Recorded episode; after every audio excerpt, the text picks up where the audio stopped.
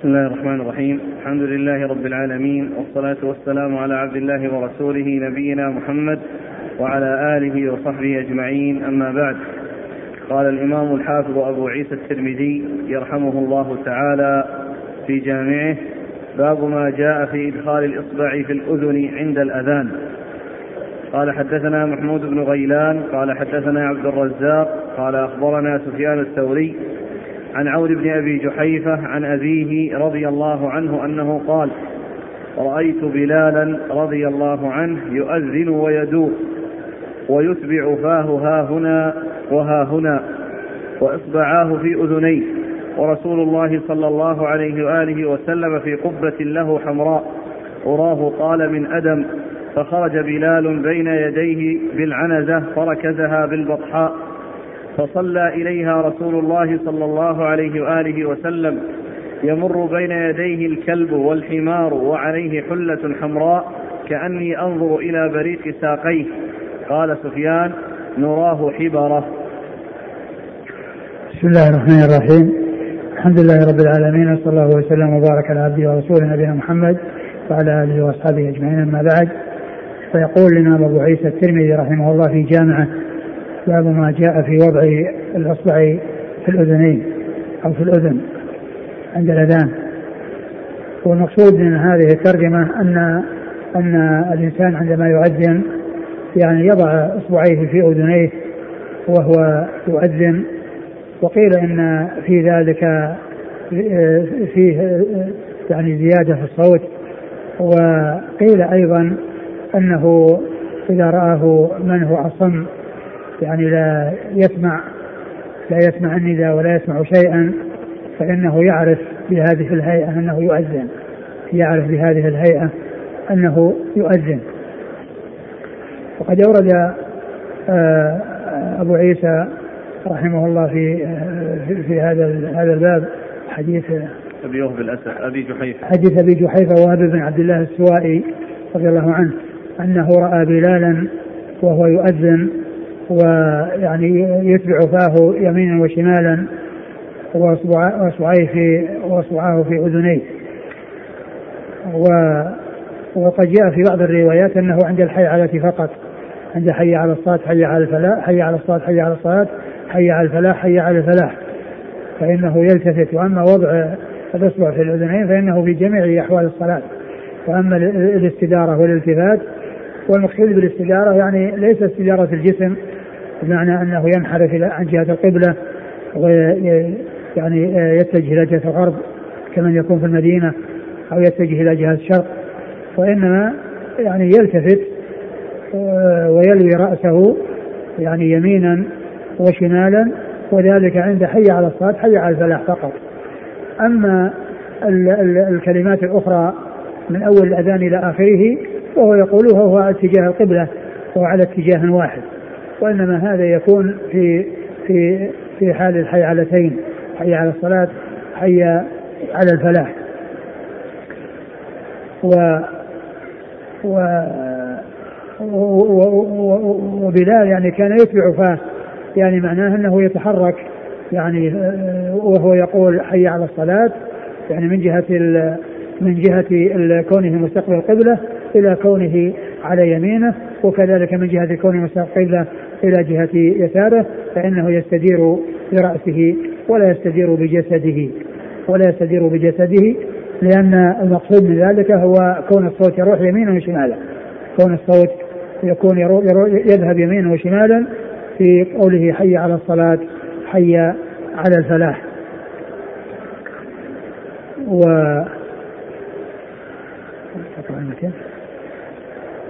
عن أبي جحيفة رضي الله عنه قال رأيت بلالا رضي الله عنه يؤذن ويدور ويتبع فاه ها هنا وها هنا وإصبعاه في أذنيه. يتبع فاه ها هنا وها هنا يعني إلى جهة اليمين يعني في أذانه وهو يقول حي على الصلاة يبدا وهو مستقبل القبلة ثم يلتفت إلى جهة اليمين ويبدا وهو مستقبل القبلة فيلتفت إلى جهة الشمال. والاستدارة إنما هي بالرأس وليست بالجسد. ها. وأصبعاه في أذنيه ورسول الله وهذا هو محل الشاهد. محل الشاهد من الترجمة هو إصبعه في أذنيه. نعم. ورسول الله فالمقصود من ذلك طرف الإصبعين طرف الأصابع. نعم. ورسول الله صلى الله عليه وسلم في قبة له حمراء أراه قال من أدم. والنبي صلى الله عليه وسلم يعني في هذه الحالة اللي كان فيها بلال يؤذن النبي كان في قبة وكان في البطحاء كما جاء في الحديث. البطحاء هي الأبطح وذلك في مكة. نعم. فخرج من من جلد. نعم. فخرج بلال بين يديه بالعنزة فركزها بالبطحاء فخرج بلال بين يديه بين يدي النبي صلى الله عليه وسلم بالعنزة. يعني بعد ما أذن وأريد إقامة الصلاة أتى بالعنزة وهي عصا في رأسها حديدة آه، تغرز في الأرض تكون سترة له وهو يصلي. تكون سترة له وهو يصلي. وفيه اتخاذ السترة ثم قد يمر بين يديه الكلب والحمار. وصلى إليها رسول الله صلى الله عليه وآله وسلم يمر بين يديه الكلب والحمار. يمر بين يديه يعني من وراء العنزة وليس مما بينه وبين العنزة. يعني لأنه إذا وجدت السترة فمرور أي شيء وراءها أنه لا يؤثر. أي شيء يمر من وراء السترة فإنه لا يؤثر. وإنما التأثير فيما بينه وبين السترة. فقوله بين يديه يعني من وراء السترة. لأنه اتخذ سترة فالمرور من ورائها. وأما ما كان من دونها فإنه يمنع. أما ما كان من دون السترة فإنه يمنع. نعم. وعليه حلة حمراء وعليه صلى الله عليه وسلم حلة حمراء والحلة هي المكونة من ثوبين مثل إزار ورداء. هذه قالها حلة. يعني اسم لمجموع شيء لمجموع لشيء متعدد لمجموع شيء متعدد. يعني كثوبين أو إزار ورداء فمجموع الشيء يقال له حلة. أما إذا كان إزارا فقط أو رداء فقط فإنه لا يقال له حلة. كأني أنظر إلى بريق ساقيه. نعم. قال سفيان نراه حبرة. نراه حبرة يعني هذا الثوب هذا الثوب اللي هو الأحمر أو اللي هو أحمر نراه حبرة. والحبرة هي يعني آه، أكسية وثياب تصنع في اليمن يعني آه، موشات بخطوط يعني حمر وسود وغير ذلك. المهم إنها لها يعني خطوط موشات. فيكون معنى ذلك أنها خليط بين الأحمر وغيره. خليط بين الأحمر وغيره.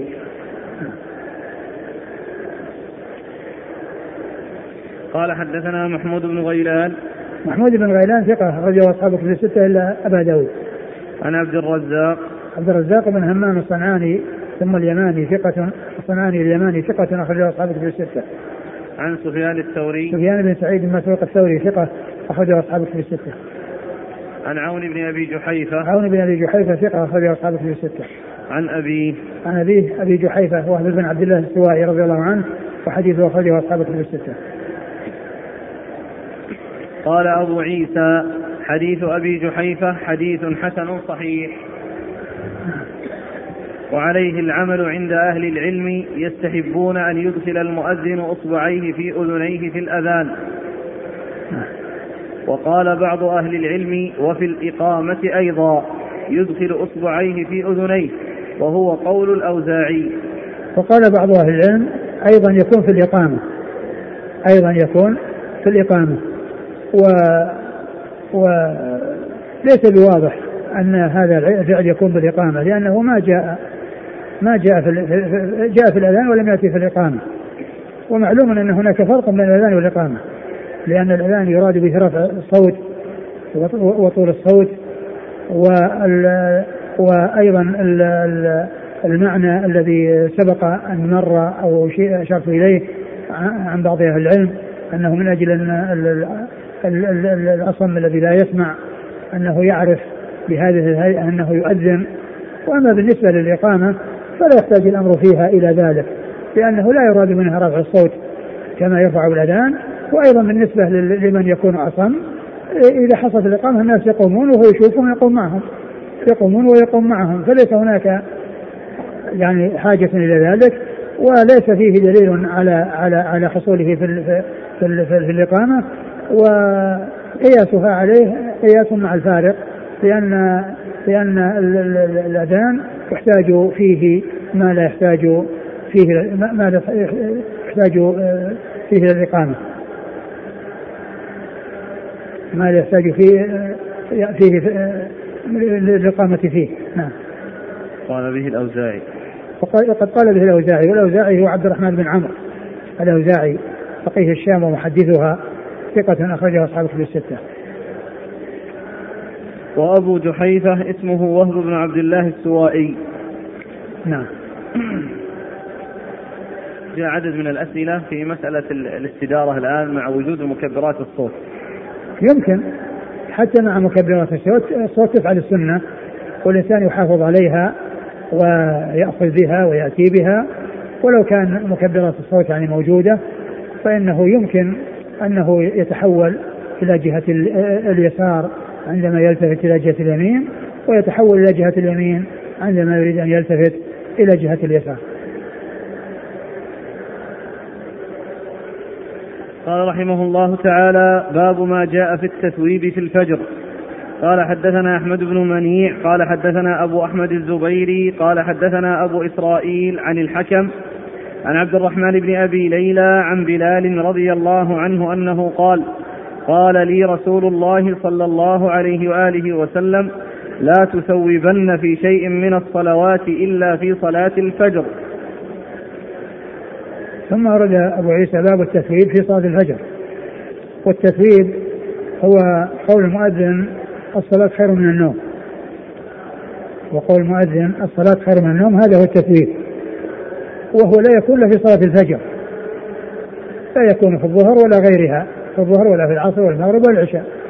وإنما يكون في الوقت الذي الناس قد ناموا واستغرقوا في النوم وطاب لهم الفراش وتمكنوا من النوم في آخر الليل واستغرقوا فيه فشرع فيه أن أن يقال الصلاة خير من النوم ليقوم الناس إلى الصلاة وليهبوا إلى الصلاة فلا تقال في غير ذلك. والحديث آه، ضعيف الإسناد ولكن معناه صحيح التثويب لا يكون في صلاة الفجر لا يكون في الصلوات الأخرى ولا يكون في الصلاة الأخرى وإنما هو خاص في صلاة الفجر. ثم جاء في بعض الأحاديث أنه يكون في الأذان الأول. وبعض أهل العلم قال إن المقصود به الأذان الذي يكون في الليل قبل أن يطلع الفجر. وبعضهم قالوا إن المقصود بذلك الأذان الأخير الذي عند دخول الوقت وذلك أنه أول بالنسبة للإقامة لأن الإقامة أذان. ومن المعلوم أن الأذان الأول الأذان الذي هو لدخول الوقت هو المتعين وهو الواجب. بخلاف الأذان الأول فإنه لو ترك لم يؤثر ولكن الأذان الذي عند دخول الوقت هذا هو الذي لا بد منه. ثم أيضا من ناحية المعنى الصلاة خير من النوم.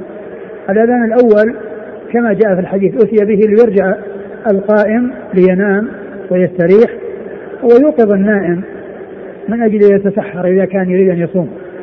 النائم من أجل أن يتسحر أو يوتر إذا كان ما أوتر قبل أن يطلع الفجر. ففيه فالاتيان به في الأذان الأخير لا شك أن أن أن انه مطابق للواقع من ناحية أن أن الناس كلهم مطلوب منهم أن يقوموا. ولا شك أن أكثر الناس يكونوا نياما وإن كان فيهم من يقوم يصلي أو يقوم يعني آه، يتسحر لأنه يريد أن يصوم لكن كثير من الناس يكون نائمين. وأيضا الذي كان يقوم الليل ونام في آخره بعد الأذان كل هؤلاء مطلوب منه أن يقوموا لأذان لصلاة الفجر. وقد جاء إطلاق الأذان على الأذان أذان عند دخول الوقت أنه الأول وهو أول بالنسبة للإقامة كما جاء في صحيح صحيح البخاري عن عائشة رضي الله عنها أن النبي صلى الله عليه وسلم قال إذا أذن قال إذا أذن في الأولى صلى ركعتين واضطجع ثم خرج إلى الصلاة.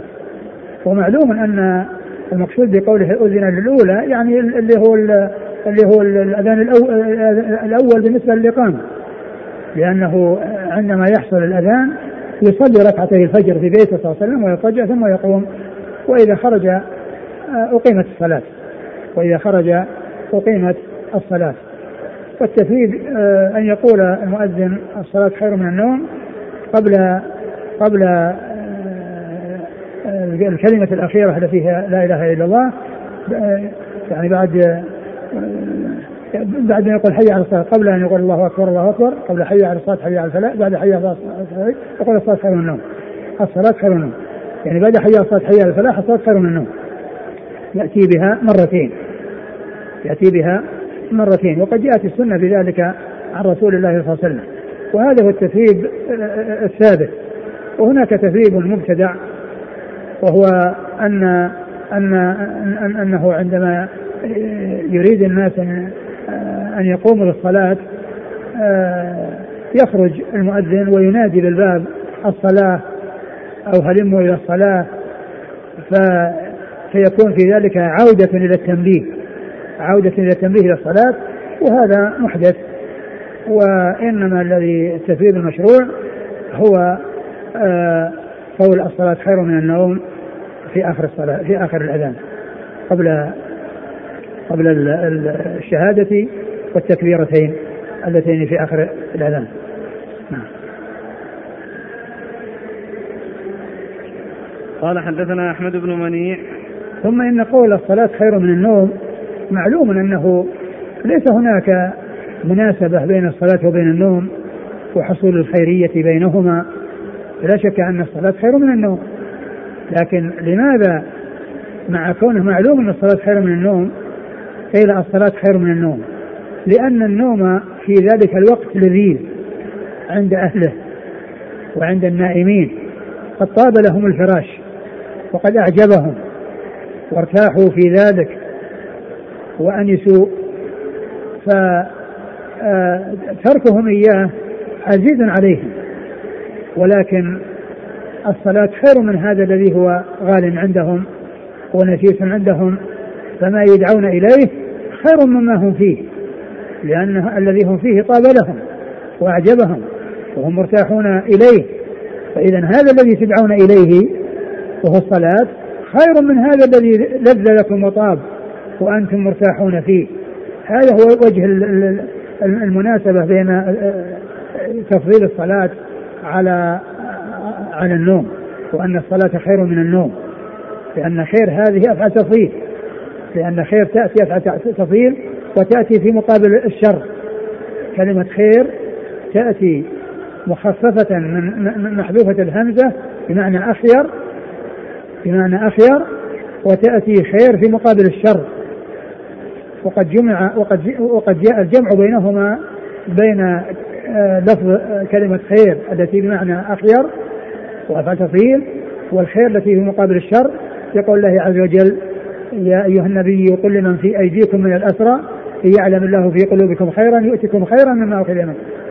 فكلمة خيرا الأولى هذه مقابل الشر وخيرا مما أخذ منكم هذه أفعل تفضيل. هذه أفعل تفضيل فوجه المناسبة أو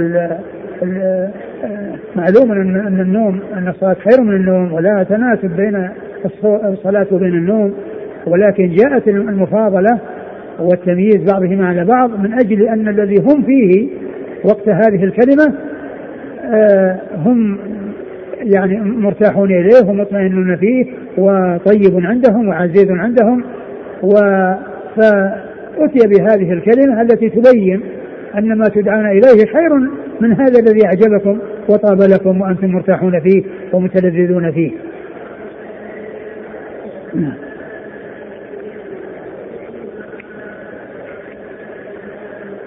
قال حدثنا أحمد بن منيع. أحمد بن منيع ثقة أخرجه أصحاب كتب الستة. عن أبي أحمد الزبيري. عن أبي أحمد الزبيري محمد بن عبد الله بن الزبير ثقة اخرجه أصحاب كتب الستة. عن أبي إسرائيل. عن أبي إسرائيل وهو صدوق لين الحديث. صدوق سيء الحفظ. هو صدوق سيء الحفظ. أخرج له الترمذي وابن ماجه. الترمذي وابن ماجه. عن الحكم. عن الحكم بن عتيبة الكندي ثقة أخرجه أصحاب كتب الستة. عن عبد الرحمن بن أبي عبد الرحمن بن أبي ليلى وهو تابعي ثقة أخرج أصحابه في الستة. عن بلال. عن بلال آه آه، أخرج حديث أصحاب الكتب الستة. قال وفي الباب عن أبي محذورة. وفي الباب عن أبي محذورة وهو وهو سمرة بن معير وحديثه أخرجه قال المفرد ومسلم وأصحاب السنة. البخاري. الأدب المفرد. الأدب المفرد مسلم وأصحاب السنة. قال أبو عيسى حديث بلال لا نعرفه إلا من حديث أبي إسرائيل الملائي. وأبو إسرائيل لم يسمع هذا الحديث من الحكى بن عتيبة. قال إنما رواه عن الحسن بن عمارة عن الحكى بن عتيبة. وأبو إسرائيل اسمه إسماعيل بن أبي إسحاق وليس هو بذاك القوي عند أهل الحديث. الأسماء إنما رواه عن الحسن بن عمارة عن الحسن بن عمارة هو متروك متروك أخرجه الترمذي. وابن ماجه. الترمذي وابن ماجه. وأبو إسرائيل اسمه إسماعيل بن أبي إسحاق وليس هو بذاك القوي عند أهل الحديث.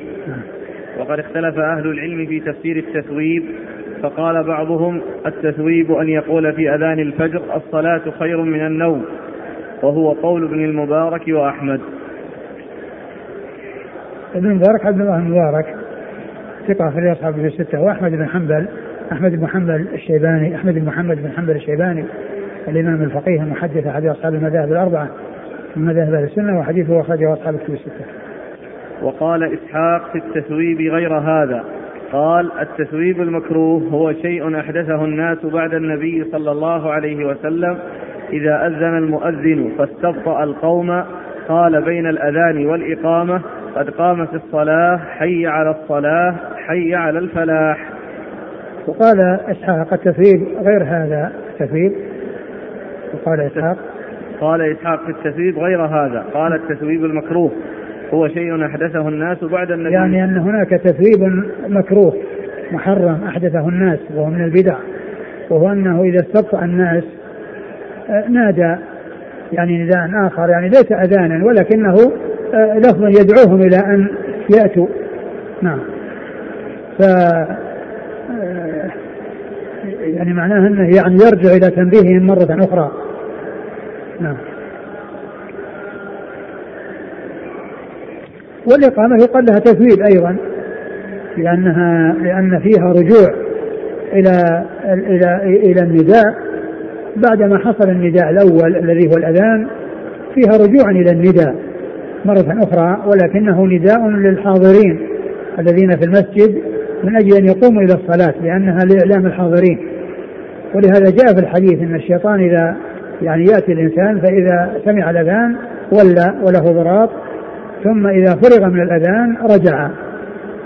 فإذا ثوب في الصلاة يعني بالإقامة ثوب بالإقامة يعني أنه أتي بالإقامة لأنها ذكر أيضا هرب. ثم ذلك يرجع.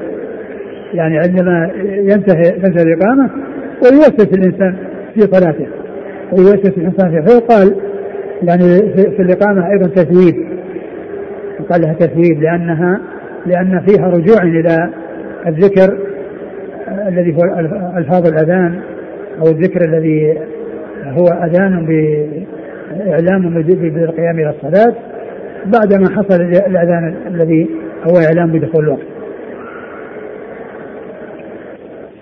إسحاق بن إبراهيم بن راهويه الحنظلي ثقة أخرجه أصحاب في إلى ابن ماجه. قال وهذا الذي قال إسحاق هو التثويب الذي قد كرهه أهل العلم والذي أحدثوه بعد والذي أحدثوه بعد النبي صلى الله عليه وآله وسلم والذي فسر ابن المبارك وأحمد أن التثويب أن يقول المؤذن في أذان الفجر الصلاة خير من النوم وهو قول صحيح ويقال له ويقال له التثويب أيضا وهو الذي اختاره أهل العلم ورأوه. وروي عن عبد الله بن عمر رضي الله عنهما أنه كان يقول في صلاة الفجر الصلاة خير من النوم. وروي عن مجاهد أنه قال دخلت مع عبد الله بن عمر مسجدا وقد أذن فيه ونحن نريد أن نصلي فيه. فتوب المؤذن فخرج عبد الله بن عمر من المسجد وقال اخرج بنا من عند هذا المبتدع ولم يصلي فيه. قال وإنما كره عبد الله التثويب الذي أحدثه الناس بعد. يعني التثويب الذي الذي يكون بين الأذان والإقامة وهو النداء مرة أخرى بغير ألفاظ الأذان يعني للتنبيه للناس أن أن يأتوا. وكذلك أيضا التثويب في في غير الفجر أيضا يعني هو من البدع. يعني إذا ثوب بصلاة الظهر ولا بصلاة العصر فهذا محدث نعم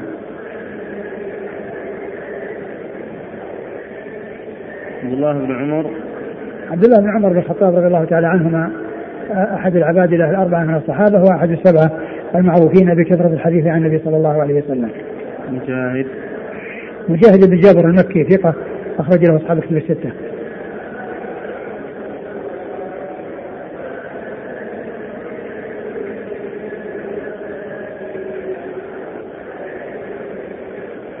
قال رحمه الله تعالى باب ما جاء أن من أذن فهو يقيم. قال حدثنا هناد قال حدثنا عبدة ويعلى بن عبيد عن عبد الرحمن بن زياد بن أنعم الإفريقي عن زياد بن نعيم الحضرمي عن زياد بن الحارث الصدائي رضي الله عنه أنه قال أمرني رسول الله صلى الله عليه وعلى آله وسلم أن أؤذن في صلاة الفجر فأذنت. فأراد بلال رضي الله عنه أن يقيم فقال رسول الله صلى الله عليه وعلى آله وسلم إن أخا صداء قد أذن ومن أذن فهو يقيم. ثم رد أبو عيسى رحمه الله. هذه الترجمة باب باب ما جاء أن من أذن فهو باب ما جاء أن من أذن فهو يقيم. يعني أنه يتولى الإقامة من يتولى الأذان. من حصل منه الأذان تحصل منه الإقامة. ولا شك أن هذا هو الأولى. هذا هو الأولى. ولكن يجوز أن يكون أن يؤذن شخص ثم تحصل الإقامة من شخص. وكون آه، آه، الذي يتولى الإقامة هو الذي يتولى الذي يتولى الأذان هو يتولى الإقامة لا شك أنه هو الأولى. لأن لأن آه، لأنه قد يؤثر على المؤذن كونه يقيم أحد غيره ويتولى الإقامة أحد يعني غير الذي أذن. و الكلام إنما هو في الأولوية. وأما الجواز فإنه جائز. و فيمكن ان يقيم من لم من لم يؤذن. يمكن أن يقيم من لم يؤذن نعم قال حدثنا هناد هناد بن السري وابو السري ثقة أخرجه البخاري في خاطر أفعال العباد ومسلم وأصحاب السنة. عن عبده عبده بن سليمان ثقة أخرجه أصحاب الكتب الستة. ويعلى بن عبيد يعلى بن عبيد هو ثقة أخرجه أصحاب الكتب. ثقة أخرجه أصحاب الكتب الستة. عن عبد الرحمن بن زياد بن أنعم الأفريقي. عبد الرحمن وهو ضعيف في حفظه ضعيف في حفظه أخرج له قال في الأدب المفرد وأبو داود والترمذي وابن ماجه البخاري في المفرد وأبو داود والترمذي وابن ماجه. عن زياد بن نعيم الحضرمي. عن زياد بن نعيم الحضرمي وهو ثقة. من أبو داود والترمذي وابن ماجه. أخرج أبو داود والترمذي وابن ماجه. عن زياد بن الحارث الصدائي. عن زياد بن الحارث الصدائي رضي الله عنه أخرج حديثه. أبو داود والترمذي وابن ماجه. أبو داود والترمذي وابن ماجه. قال وفي الباب عن ابن عمر. مر ذكره. قال أبو عيسى وحديث زياد إنما نعرفه من حديث الإفريقي والإفريقي هو ضعيف عند أهل الحديث ضعفه يحيى بن سعيد القطان وغيره. يحيى بن سعيد القطان ثقة أخرج أصحابه في الستة. قال أحمد لا أكتب حديث الإفريقي. نعم أحمد مر ذكره. قال ورأيت محمد بن إسماعيل يقوي أمره. محمد بن إسماعيل هو البخاري أمير المؤمنين في الحديث. نعم. ويقول هو مقارب الحديث. نعم. والعمل على هذا عند أكثر أهل العلم أن من أذن فهو يقيم. نعم.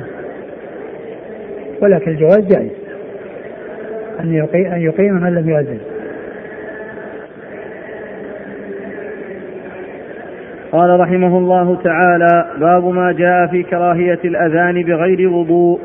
قال حدثنا علي بن حجر قال حدثنا الوليد بن مسلم عن معاوية بن يحيى الصدفي عن الزهري عن أبي هريرة رضي الله عنه عن النبي صلى الله عليه وآله وسلم أنه قال لا يؤذن إلا متوضئ. قال حدثنا يحيى بن موسى قال حدثنا عبد الله بن وهب عن يونس عن ابن شهاب أنه قال قال أبو هريرة رضي الله عنه لا ينادي بالصلاة إلا متوضئ. قال أبو عيسى وهذا أصح من الحديث الأول. قال أبو عيسى وحديث أبي هريرة لم يرفعه ابن وهب وهو أصح من حديث الوليد بن مسلم. والزهري لم يسمع من أبي هريرة واختلف أهل العلم في الأذان على غير وضوء فكرهه بعض أهل العلم وبه يقول الشافعي وإسحاق. ورخص في ذلك بعض أهل العلم وبه يقول سفيان الثوري وابن المبارك وأحمد. آه ثم ورد أبو, أبو عيسى هذه الترجمة باب باب ما جاء في كراهية الأذان بغير وضوء. باب ما جاء في كراهية الأذان بغير وضوء. آه كل كان يؤذن وهو على غير طهارة وهو محدث. لا شك أن كل إنسان يتوضأ آه، يؤذن على طهارة هذا هو هو الأفضل وهو الأولى لكن يجوز أن يوجد الأذان بدون طهارة. مثل ما أن القرآن يقرأ الإنسان وهو على غير طهارة فيمكن أيضا الأذان أن يكون وهو على غير طهارة. وليس من شرط الأذان أن يكون المؤذن على طهارة. ليس من شرط الأذان أن يكون المؤذن على طهارة بل يجوز. لكن لا شك أن الأولى أن يكون الإنسان على أحسن الحال وأن يكون متوضئا حتى يؤذن ويبقى في المسجد. و آه، لا يحتاج إلى أن يخرج من أجل يتوضأ. ولكنه لو وجد الأذان بدون طهارة فإن الأذان صحيح. ولا ولا بأس به. نعم. ورد حديث أبي هريرة. حديث أبي هريرة. قال لا يؤذن إلا متوضئ. وهذا وهذا في وهذا فيه انقطاع يعني بين الزهري وبين أبي هريرة. لأن الزهري من صغار التابعين وأبو هريرة متقدم الوفاة. نعم. قال حدثنا علي بن حجر. وأما الطريق الثاني فهو من كلام أبي هريرة ليس مرفوعا إلى رسول الله صلى الله عليه وسلم. وعلي بن حجر ثقة أخرجه البخاري. ومسلم والترمذي والنسائي.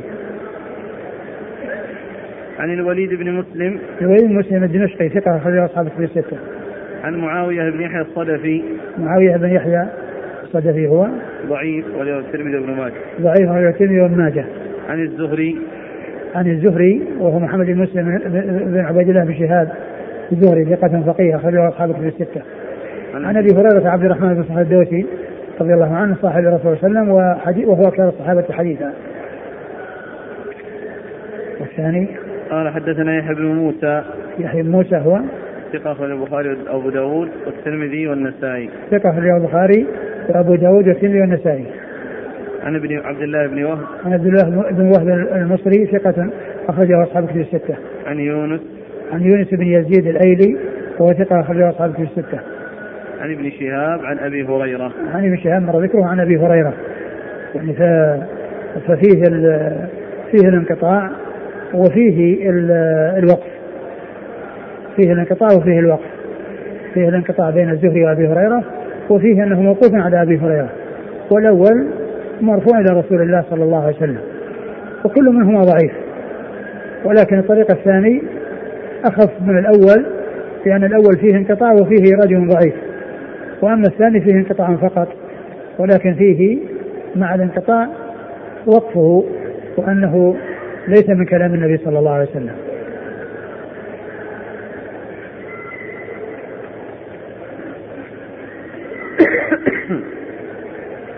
قال أبو عيسى وهذا أصح من الحديث الأول.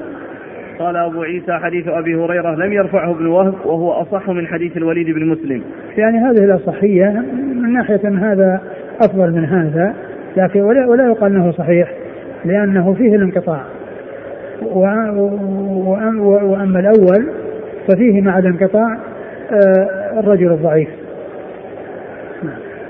ما تضاف له علة ثالثة. نعم. يضاف له علة ثالثة. وهي؟ وليد بن مسلم. نعم مجلس نعم. والزهري لم يسمع من أبي هريرة واختلف أهل العلم في الأذان على غير وضوء فكرهه بعض أهل العلم وبه يقول الشافعي وإسحاق. يعني كراهية تنزيه. يعني ليس تحريما. نعم. ورخص في ذلك بعض أهل العلم وبه يقول سفيان الثوري وابن المبارك وأحمد. نعم. مر ذكرهم. قال رحمه الله تعالى باب ما جاء أن الإمام أحق بالإقامة. قال حدثنا يحيى بن موسى قال حدثنا عبد الرزاق قال أخبرنا إسرائيل قال أخبرني سماك بن حرب أنه سمع جابر بن سمرة رضي الله عنهما يقول كان مؤذن رسول الله صلى الله عليه وآله وسلم يمهل فلا يقيم حتى إذا رأى رسول الله صلى الله عليه وآله وسلم قد خرج أقام الصلاة حين يراه. ثم ورد أبو عيسى هذه الترجمة باب باب الإمام. أحق بالإقامة. أحق بالإقامة. يعني أحق بإذن يعني مو أحق بالإقامة أن يقيم ويتولاها وإنما الأحق بها هو هو هو, هو المؤذن وهو أولى بها. ولكن آه، آه، الأحقية التي للإمام هي أحقية الإذن. يعني ما هو المؤذن يعني يقيم كما يريد. ولا يعني يلتفت إلى الإمام ولا يأخذ بإذنه وإنما المقصود أنه آه، حق بها من ناحية الإذن.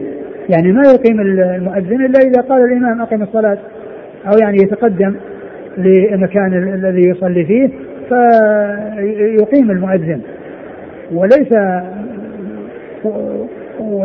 والذي آه، لا يصح وليس حقا للمؤذن هو كونه يفعل ذلك بدون إذن.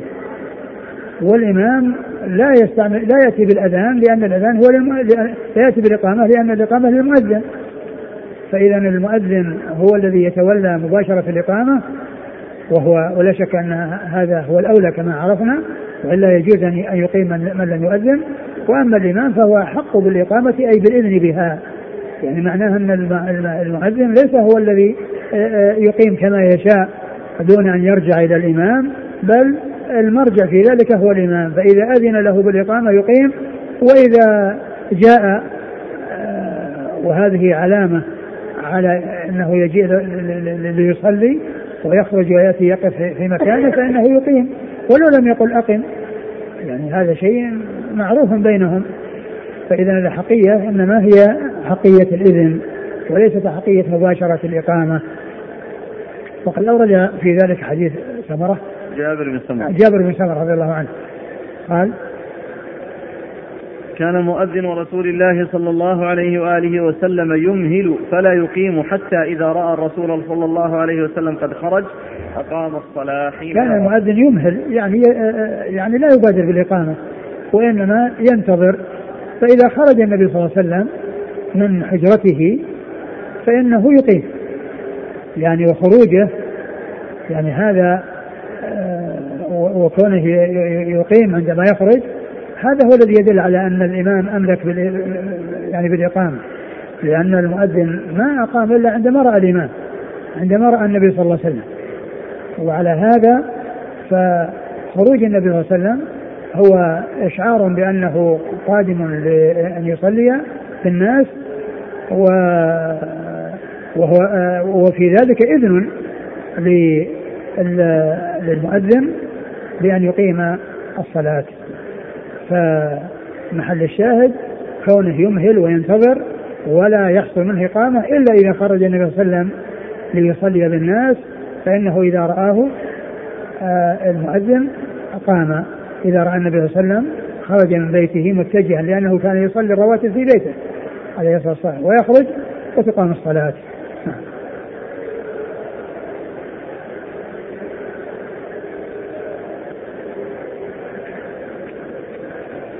قال حدثنا يحيى بن موسى عن عبد الرزاق عن إسرائيل.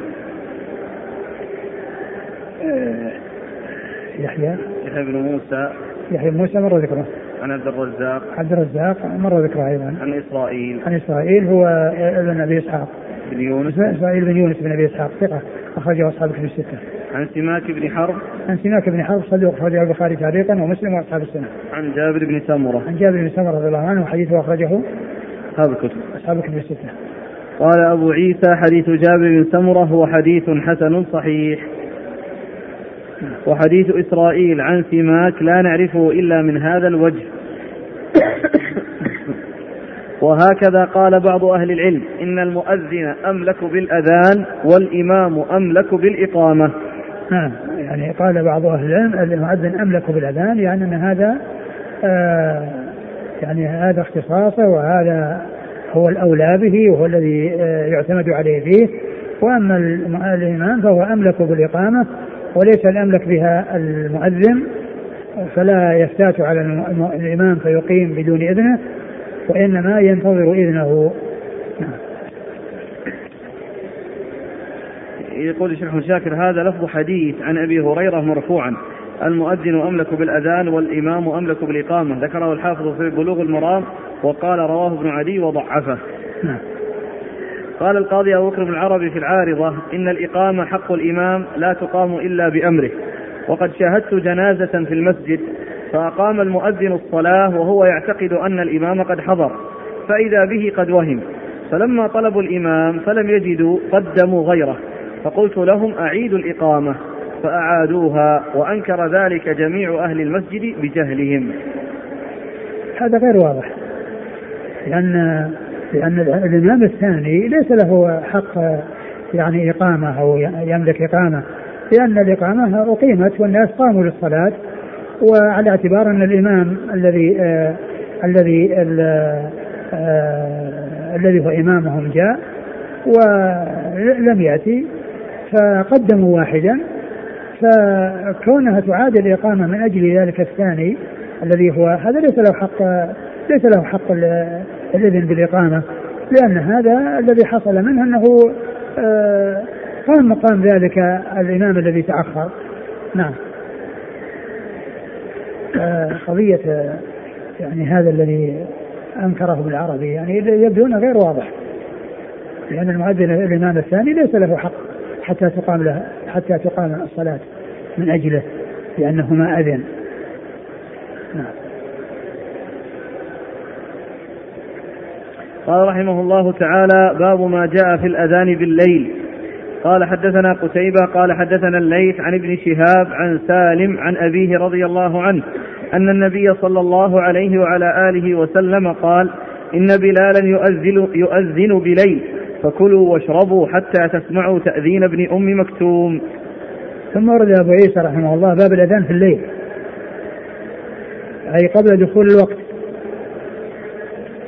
وهذا الأذان هو الذي يرجع فيه القائم لينام ويستريح ويوقظ فيه النائم ليستعد للصلاة لأن يتسحر إذا كان يتسحر أو يغتسل إذا كان عليه غسل أو يعني آه، يوتر إذا كان إنه ما أوتر. فيكون في ذلك فائدة للذين يصلون يستريحون في استعداد لصلاة الفجر والذين هم نائمون يقومون. ليقوموا بما هو لازم لهم قبل أن يأتي وقت الصلاة. قبل أن يأتي وقت الصلاة. ولا شك أن أن, أن هذا ليس بلازم اللي هو الأذان الأول كلزوم الأذان الثاني. لأن الأذان الثاني الذي عند دخول الوقت مثل بقية الأوقات. كل صلاة يؤذن لها عند دخول الوقت وهذا هو الذي لا بد منه. آه الظهر يؤذن لها عند دخول وقتها والعصر عند دخول وقتها والمغرب كذلك والعشاء كذلك والفجر كذلك. ولكن أضيف أذان في الليل آه لإرجاع القائم وإيقاظ النائم ليستعد للأمور التي هو بحاجة إلى الاستعداد لها. فالرسول صلى الله عليه وسلم قال إن بلالا يؤذن بليل فكلوا واشربوا حتى يؤذن ابن المكتوم و وقل كلوا واشربوا يعني في في من يريد أن يتسحر في حق من يريد أن يتسحر يأكل ويشرب. يستعد للصيام وذلك بالسحور حتى يؤذن ابن المكتوم. وإذا وجد الأذان الثاني الذي يكون عند دخول الوقت عند ذلك يكون الإمساك. عند ذلك يكون الإمساك عن الأكل والشرب وحل صلاة الفجر وحرمة الأكل والشرب. لأن الأذان الأول يحل الأكل ويحرم الصلاة يعني صلاة الفجر. والأذان الثاني يعني يحل صلاة الفجر ويحرم الأكل والشرب. في حق من يريد أن يصوم قال حدثنا قتيبة قتيبة بن سعيد بن جميل ثقة أخرجه أصحاب الكتب الستة. عن الليث الليث بن سعد المصري ثقة فقيه أخرج له أصحاب الكتب الستة. عن ابن شهاب عن سالم ابن شهاب مر ذكره سالم بن عبد الله بن عمر بن الخطاب وهو ثقة فقيه أحد فقهاء المدينة السبعة في عصر التابعين على أحد الأقوال الثلاثة في التابع منهم وحديثه أخرجه أصحاب الكتب الستة. عن أبيه عن أبيه وقد مر ذكره. قال أبو عيسى وفي الباب عن ابن مسعود مسعود عبد الله بن مسعود الهذلي ثقة صحابي أخرجه أصحاب الكتب الستة. وعائشة وعائشة أم المؤمنين صديقة بن الصديق وهي واحدة من سبعة أشخاص عرفوا بكثرة الحديث عن النبي صلى الله عليه وسلم. وأنيسة وأنيسة أخرج حديثها النسائي أخرج حديثها النسائي. وأنس وأنس مالك خادم النبي صلى الله عليه وسلم وأحد السبعة المعروفين في كثرة الحديث عن النبي صلى الله عليه وسلم. وأبي ذر وأبي ذر جندب بن جنادة أخرج حديثه أصحاب الكتب الستة. والتمرة وسمرة بن جندب أخرج حديثه أصحاب الكتب الستة. قال أبو عيسى حديث ابن عمر حديث حسن صحيح وقد اختلف أهل العلم في الأذان بالليل فقال بعض أهل العلم إذا أذن المؤذن بالليل أجزأه ولا يعيد وهو قول مالك وابن المبارك والشافعي وأحمد وإسحاق وقال بعض أهل العلم إذا أذن بليل أعاد وبه يقول سفيان الثوري. و... أيوه كمل كمل. وروى حماد بن سلمة عن أيوب عن نافع عن ابن عمر رضي الله عنهما أن بلالا أذن بليل فأمره النبي صلى الله عليه وآله وسلم أن ينادي إن العبد نام. قال أبو عيسى هذا حديث غير محفوظ. والصحيح ما روى عبيد الله بن عمر وغيره عن نافع عن ابن عمر رضي الله عنهما أن النبي صلى الله عليه وآله وسلم قال إن بلالا يؤذن بليل فكلوا واشربوا حتى يؤذن ابن أم مكتوم. قال وروى عبد العزيز بن أبي رواد عن نافع أن مؤذنا لعمر أذن بليل فأمره عمر أن يعيد الأذان. وهذا لا يصح أيضا لأنه عن نافع عن عمر منقطع. ولعل حماد بن سلمة أراد هذا الحديث. والصحيح رواية عبيد الله وغير واحد عن نافع عن ابن عمر والزهري عن سالم عن ابن عمر أن النبي صلى الله عليه وآله وسلم قال إن بلالا يؤذن بليل. قال أبو عيسى ولو كان حديث حماد صحيحا لو كان حديث حماد صح حماد صحيحا لم يكن لهذا الحديث معنى.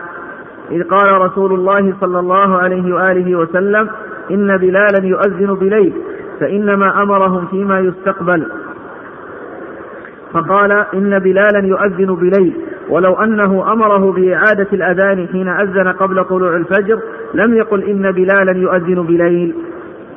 قال علي بن المديني حديث حماد بن سلمة عن أيوب عن نافع عن ابن عمر عن النبي صلى الله عليه وآله وسلم هو غير محفوظ. وأخطأ فيه حماد بن سلمة. انتهى. وقد اختلف أهل العلم في الأذان بالليل فقال بعض أهل العلم إذا أذن المؤذن بالليل أجزأه ولا يعيد. وهو قول مالك وابن المبارك والشافعي وأحمد وإسحاق. وقال هذا القول يعني أنه إذا أذن بالليل يعيد. لا يعيد. لا يعيد. إذا أذن بالليل لا يعيد.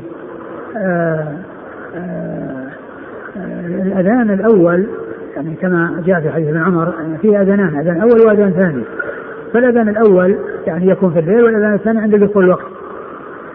وكون كونه يكون الأذان الأول يعني يغني عن الأذان الثاني وأنه لا يعيد هذا غير ظاهر.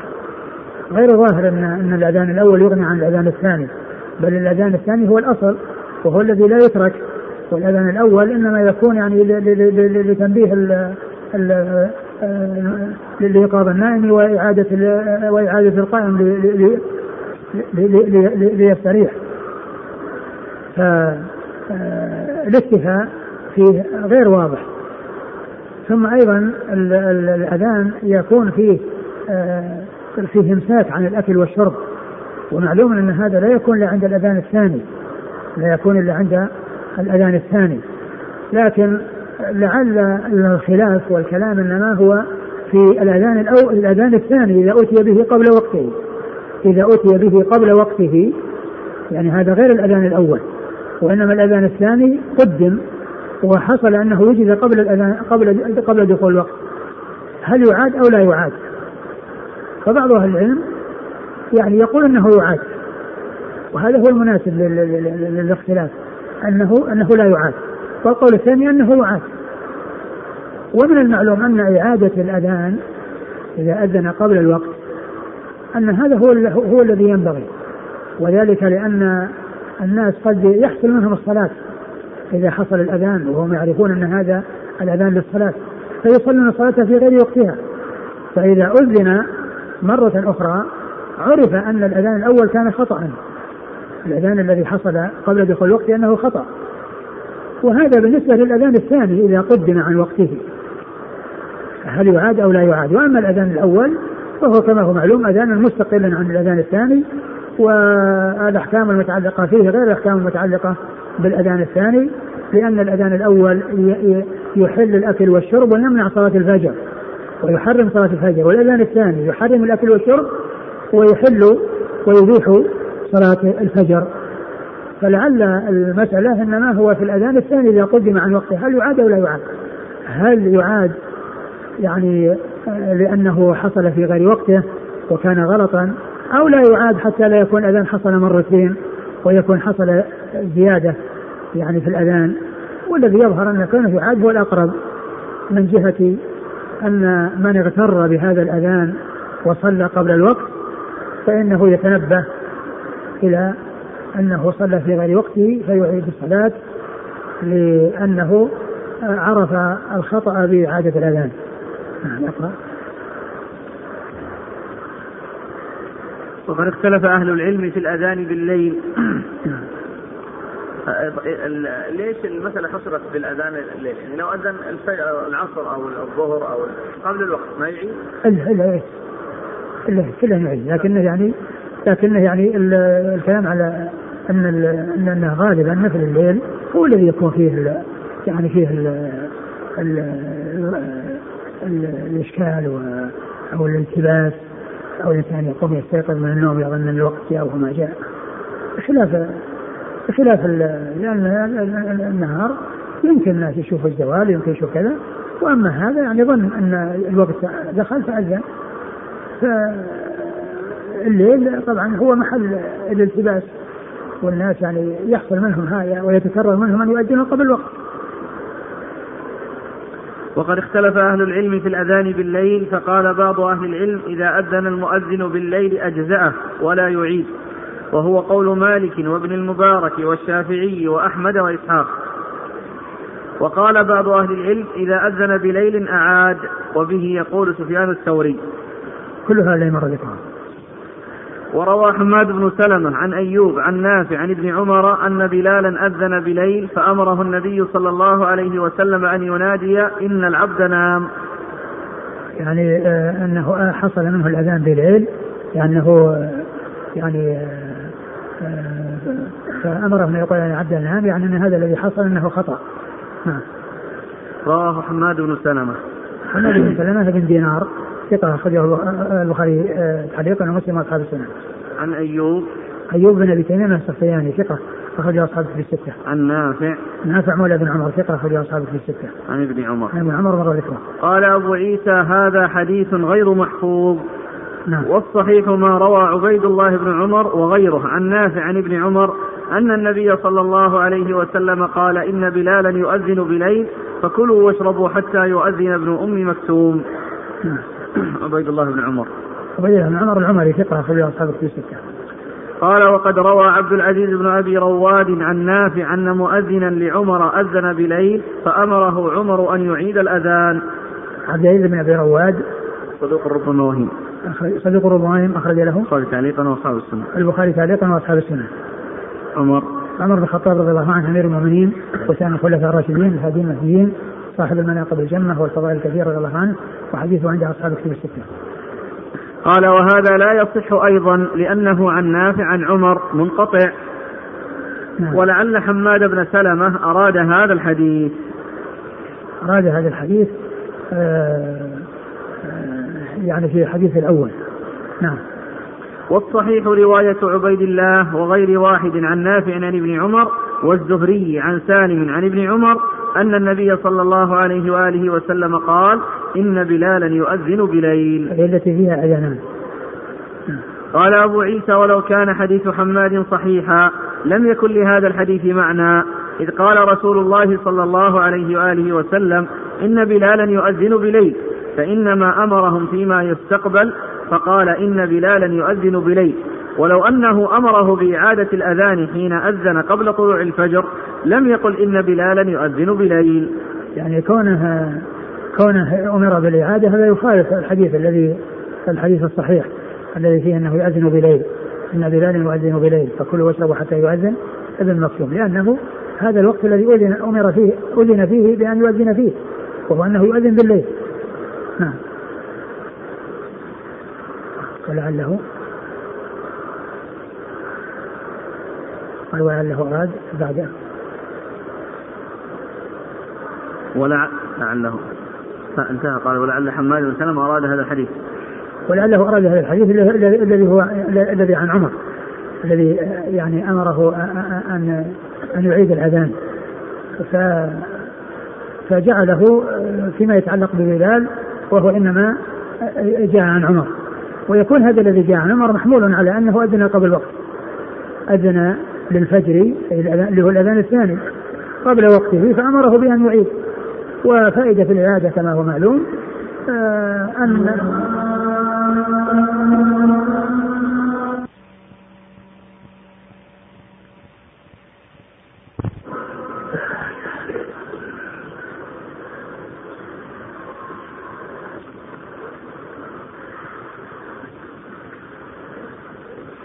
إعادة الأذان الثاني كما عرفنا إذا حصل خطأ في الليل أن يصلي أو أن يعيد الصلاة ما صلاها قبل دخول وقتها لأنها لا تصح قبل دخول وقتها. لا تصح قبل دخول وقتها. و و يعني ما جاء عن عمر لعله محمول على هذا وهو أيضا منقطع لأن النافع لم يعني ليس له رواية عن عمر. نعم. قال علي بن المديني حديث حماد بن سلمة عن أيوب عن نافع عن, عن ابن عمر عن النبي صلى الله عليه وسلم هو غير محفوظ وأخطأ فيه حماد بن سلمة. نعم. علي بن المديني. علي بن المديني ثقة أخرج له أخرج له البخاري وأبو داود والنسائي داود والنسائي وما جاء في التفسير. قال باب ما جاء في كراهية الخروج من المسجد بعد الأذان. والله تعالى أعلم وصلى الله وسلم وبارك على عبده ورسوله نبينا محمد وعلى آله وأصحابه أجمعين.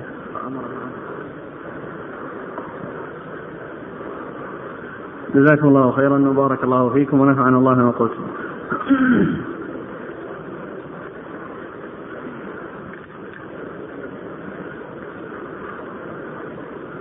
ما جمع به الشيخ أحمد شاكر. قال والجمع بين الروايات ممكن ظاهر إذ الغالب أن بلالا أذن قبل الفجر بوقت طويل على غير ما كان يؤذن عادة.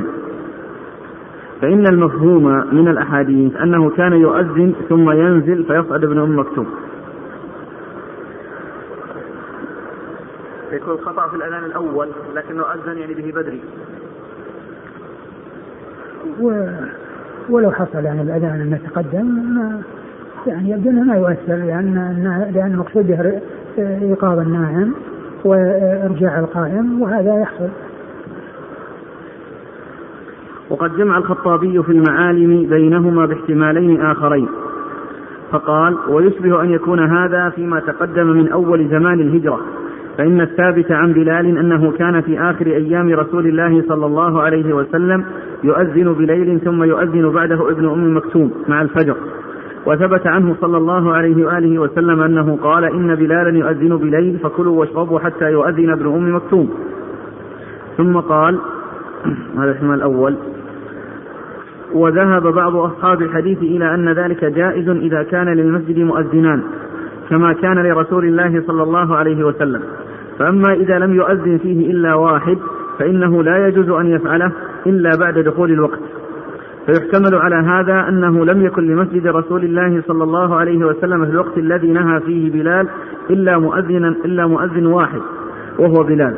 ثم أجازه حين أقام ابن حين أقام ابن أم مكتوم مؤذنا. لأن الحديث في تأذين بلال قبل الفجر ثابت من رواية ابن عمر. نعم.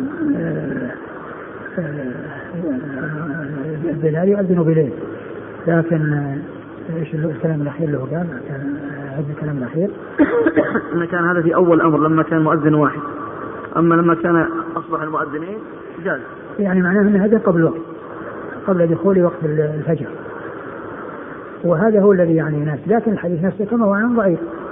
أقول هو غير ثابت ولكنه لو صح فهو محمول على على أنه أذن قبل الوقت قبل الفجر وأن يكون أيضا ليس فيه إلا مؤذن واحد أو أنه هو المؤذن الأخير.